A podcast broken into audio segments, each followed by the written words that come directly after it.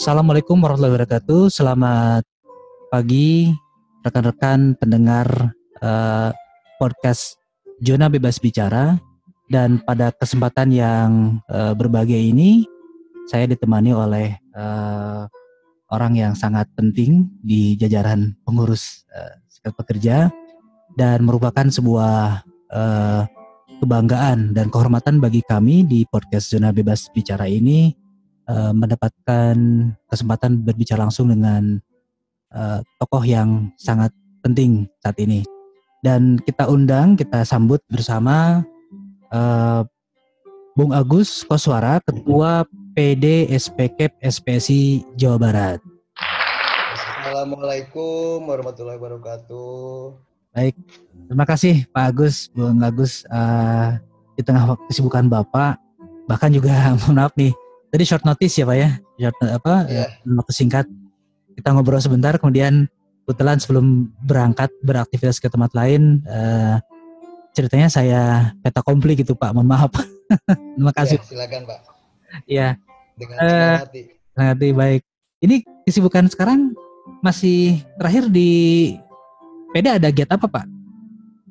Uh, terakhir di pimpinan daerah kemarin kita sudah melaksanakan unjuk rasa kepada Gubernur Jawa Barat dalam rangka menyampaikan sikap penolakan dari SP SBSI Jawa Barat terhadap RUU Cipta Kerja khususnya klaster tenaga kerjaan Pak Agus. Oh betul. Jadi saat ini kan uh, betul Pak di media juga dan juga para pendengar podcast ini juga banyak yang uh, ya request lah ya mungkin diberitakan kan ramai itu tentang eh, RUU Omnibus Law Nah, eh, bahkan ter terakhir ini di media Liputan 6 di media online 28 yeah. Agustus itu diberitakan bahwa eh, Badan Legislatif atau Baleg DPR RI tengah berupaya mencari titik temu gitu ya antara kepentingan pengusaha dan serikat buruh dalam pembahasan RUU Omnibus Law ini. Sejauh mana sih Pak eh, dari eh, monitornya atau dari pengamatannya Bung Agus dan rekan-rekan dari pengurus SPSI terkait dengan perkembangan omnibus law saat ini? Eh, baik, eh, yang pertama eh, perlu kami sampaikan bahwa undang-undang omnibus law RUU Cipta Kerja yang digagas oleh pemerintah dalam rangka pembuatannya tidak eh, dibuat secara tertutup seolah-olah tidak ada partisipasi publik yang dilakukan oleh eh, pihak pemerintah. Tidak melibatkan serikat pekerja dalam pembahasannya, kemudian juga malah dibentuk yang namanya eh, Satgas, Satgas Omnibus Law, itu yang terdiri dari para pengusaha yang diwakili oleh eh, apa namanya asosiasi pengusaha dan juga dari Kementerian Perekonomian.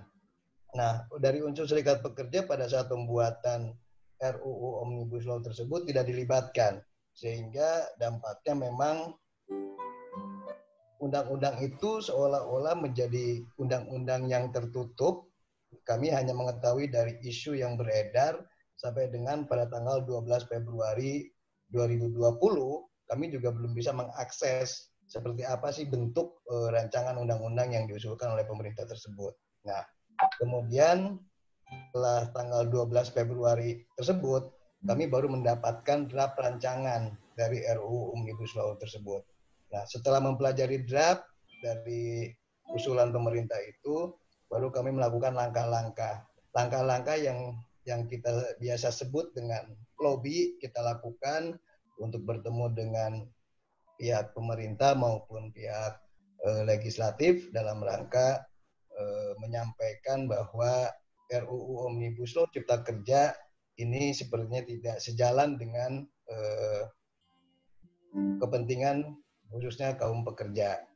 Nah, di dalam proses lobby tersebut, yang pertama pernah dibentuk yang namanya tim LKS untuk melakukan kajian terhadap rancangan undang-undang tersebut namun di dalam tim tersebut tidak bisa menghasilkan sebuah kesepakatan. Nah, karena itu ditindaklanjuti dengan membentuk tim bersama antara serikat pekerja serikat buruh dengan eh, Dewan Perwakilan Rakyat atau DPR RI. Nah, di dalam pertemuan itu yang sudah dilakukan berkali-kali dari serikat pekerja serikat buruh menyampaikan menyampaikan daftar inventarisasi permasalahan yang ada di RU Cipta Kerja Klaster Ketenaga Kerjaan khususnya ini menjadi perhatian khusus yang harus di, dijadikan eh, DPR RI menjadi penolakan dari kaum pekerja. Isinya sangat banyak sekali data inventarisasi masalah itu sehingga DPR RI harus mengetahui dan sekaligus juga menjadi tempat aspirasi penyaluran penolakan dari uh, para pekerja ini Pak Agus. Baik. Eh, tadi disebutkan bahwa akhirnya tim SPK, tim set pekerja itu mengkaji gitu ya, mengkaji dari draft yang uh, berkata apa terutama klaster ketenagakerjaan. Memang di, di ada ini Pak, apa ada yang uh, hal yang tidak sesuai gitu antara batang tubuh dengan uh, maksud dan tujuan. Ya eh, banyak sekali hal yang yang dilihat bertentangan dengan kepentingan pekerja.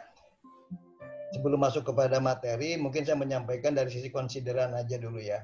Ya. Konsideran RUU Omnibus Law Cipta Lapangan Kerja ini memang eh, terletak pada pasal 28 Undang-Undang Dasar 1945 pasal 28 ya. yang tidak lagi menjadi bagian daripada mengingat. Daripada konsideran RUU Cipta Kerja. Padahal pasal tersebut tercantum di dalam konsideran mengingat pada Undang-Undang Nomor 13 2003 pasal 28 Undang-Undang 1945.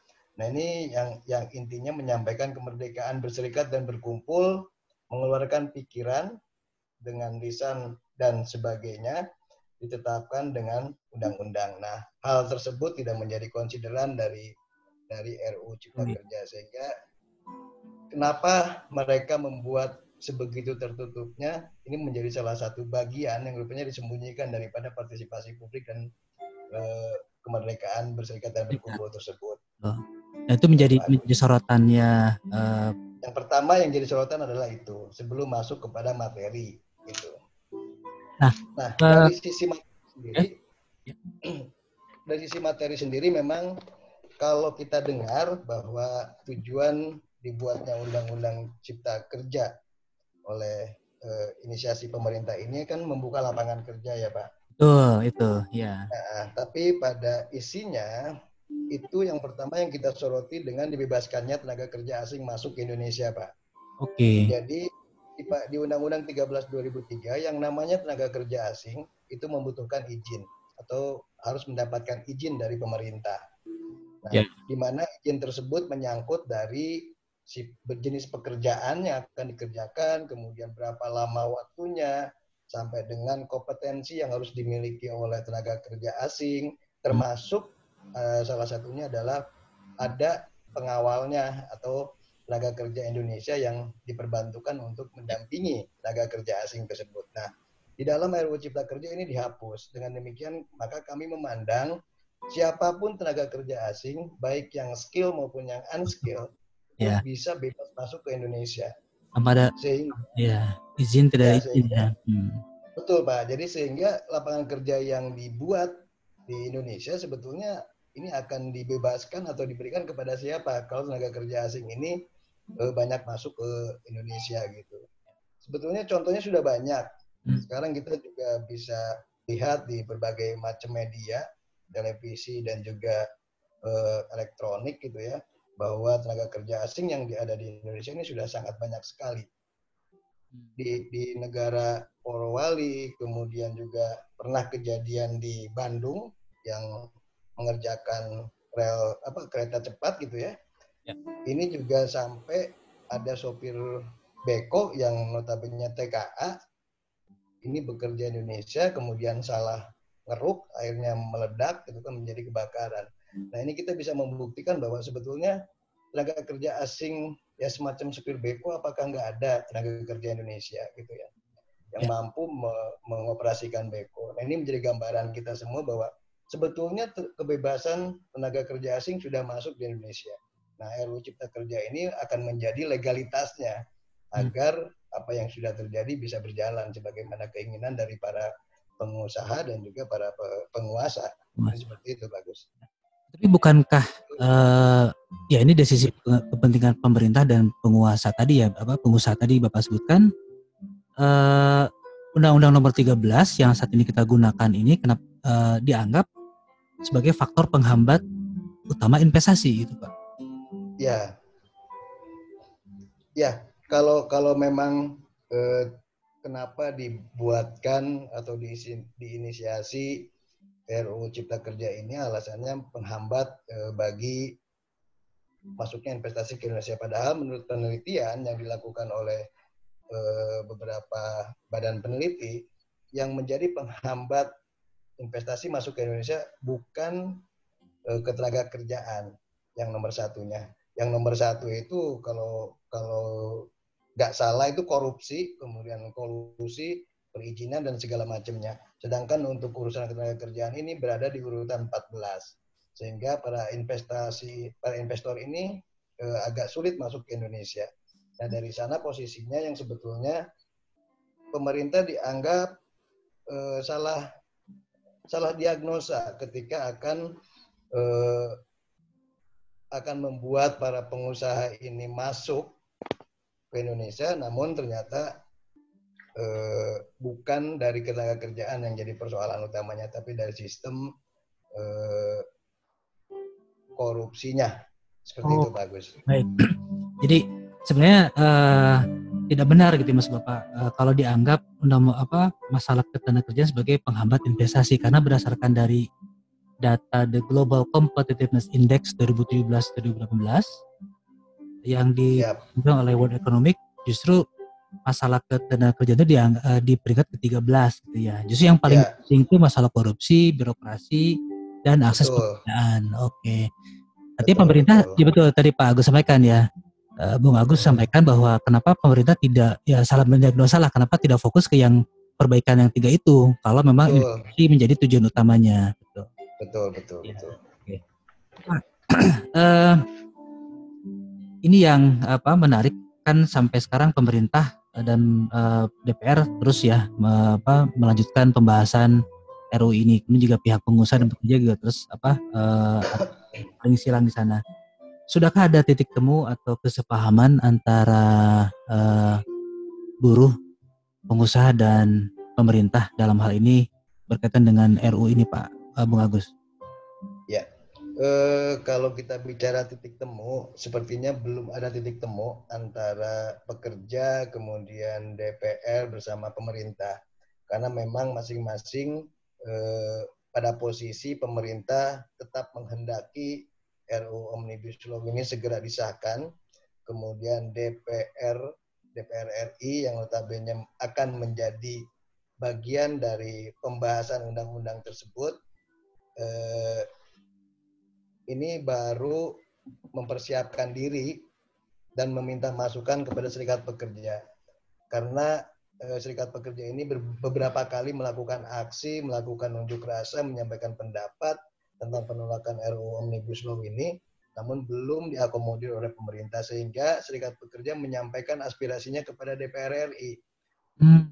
Secara garis besarnya disampaikan kepada DPR RI bahwa jika memang RUU Cipta Kerja ini ingin tetap disahkan oleh pemerintah, maka kami meminta yang pertama hmm. eh, keluarkan RUU Cipta Kerja khusus klaster ketenaga kerjaan dari undang-undang tersebut. Hmm. Jadi kita minta dikeluarkan. Nah, kalaupun yang kedua ada hal-hal lain eh, yang memang belum diatur di dalam Undang-Undang 13 2003, silakan diatur di dalam RUU Omnibus Law. Tapi yang Undang-Undang 13 2003 tidak diganggu gugat. Itu menjadi jaring pengaman atau safety safety netnya dari buat eh, teman-teman yang sekarang bekerja. Dan yang keempat poinnya adalah segala keputusan yang sudah diputuskan sesuai dengan MK itu wajib dilaksanakan atau dijalankan. Tidak ada perubahan-perubahan yang ada di dalam uh, yang akan muncul di klaster ketenaga kerjaan. Nah itu, itu secara garis besarnya dan kami menyampaikan berbagai macam argumen terhadap penolakan kluster ketenaga kerjaan tersebut, Pak Agus. Baik. sekarang belum belum ketemu titik temunya. Belum ada ya titik temunya. Mudah-mudahan segera ada titik temu karena baik buruh, pengusaha maupun pemerintah punya kepentingan ya dalam RUU ini yang tentunya semangatnya adalah uh, kalau untuk menciptakan lapangan kerjanya kita pasti sepakat ya. Cuma hanya saja hal yang sudah baik yang sudah ada di dalam Undang 13 uh, terutama tadi Bapak sampaikan mengenai safety net, kemudian mengenai sanksi pidana dan beberapa aturan yang belum diatur ya silakan diatur dalam uh, Undang-Undang Cipta Tanah Kerja.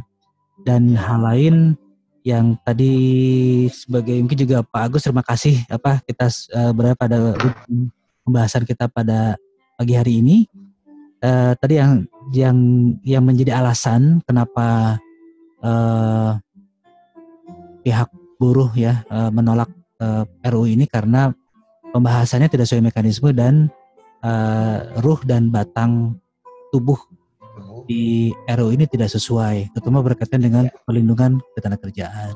Ya, paling prinsip Pak Agus prinsip, kalau ya? boleh saya menyampaikan, paling prinsip dari RU Omnibus Law Cipta Kerja kenapa kami tolak, ini menyangkut kepada keberlangsungan eh, pekerja dan ah, juga betul. anak bangsa kita. Betul. Karena kenapa? Karena terkait dengan hilangnya tiga jaminan yang yang akan hmm, ya ya betul, uh, kepada pekerja. Yang pertama jaminan pekerjaan, yang kedua jaminan upah dan yang ketiga adalah jaminan sosial. Betul. Degradasi betul. oleh RUU tersebut. Itu yang paling prinsip buat kami. Ya, betul, betul, betul. Jadi uh, itu itu yang menjadi sorotan uh, eh, SP ya, tiga hal itu ya. Ya, betul. betul, betul. Jadi pertama adalah uh, jaminan uh, pekerjaan, kedua jaminan pengupahan, ya. pengupahan, yang ketiga jaminan sosial. Dan itu merupakan hak dasar ya dalam hal hak dasar pekerja. Pekerjaan. Baik. Baik, Pak Agus. Aduh, uh, senang sekali nih kami uh, pen, termasuk pendengar uh, zona bebas bicara ini mendapatkan uh, banyak manfaat dan juga pencerahan dari Bapak. Uh, terima kasih banyak. Selalu dan uh, apa yang Bapak sampaikan memberikan pencerahan dan insya Allah menjadi amal soleh ya Pak buat kita semua. Amin ya Rabbal Alamin. Mudah-mudahan kalau ada kesempatan yang lain kita bisa berdiskusi lebih lama lagi. Terima kasih Pak Agus. Sekali Pak Agus. Atau Pak Agus sehat selalu dan mudah-mudahan Pak uh, sukses di uh, kegiatannya Pak. Atur Assalamualaikum warahmatullahi wabarakatuh. Waalaikumsalam warahmatullahi wabarakatuh.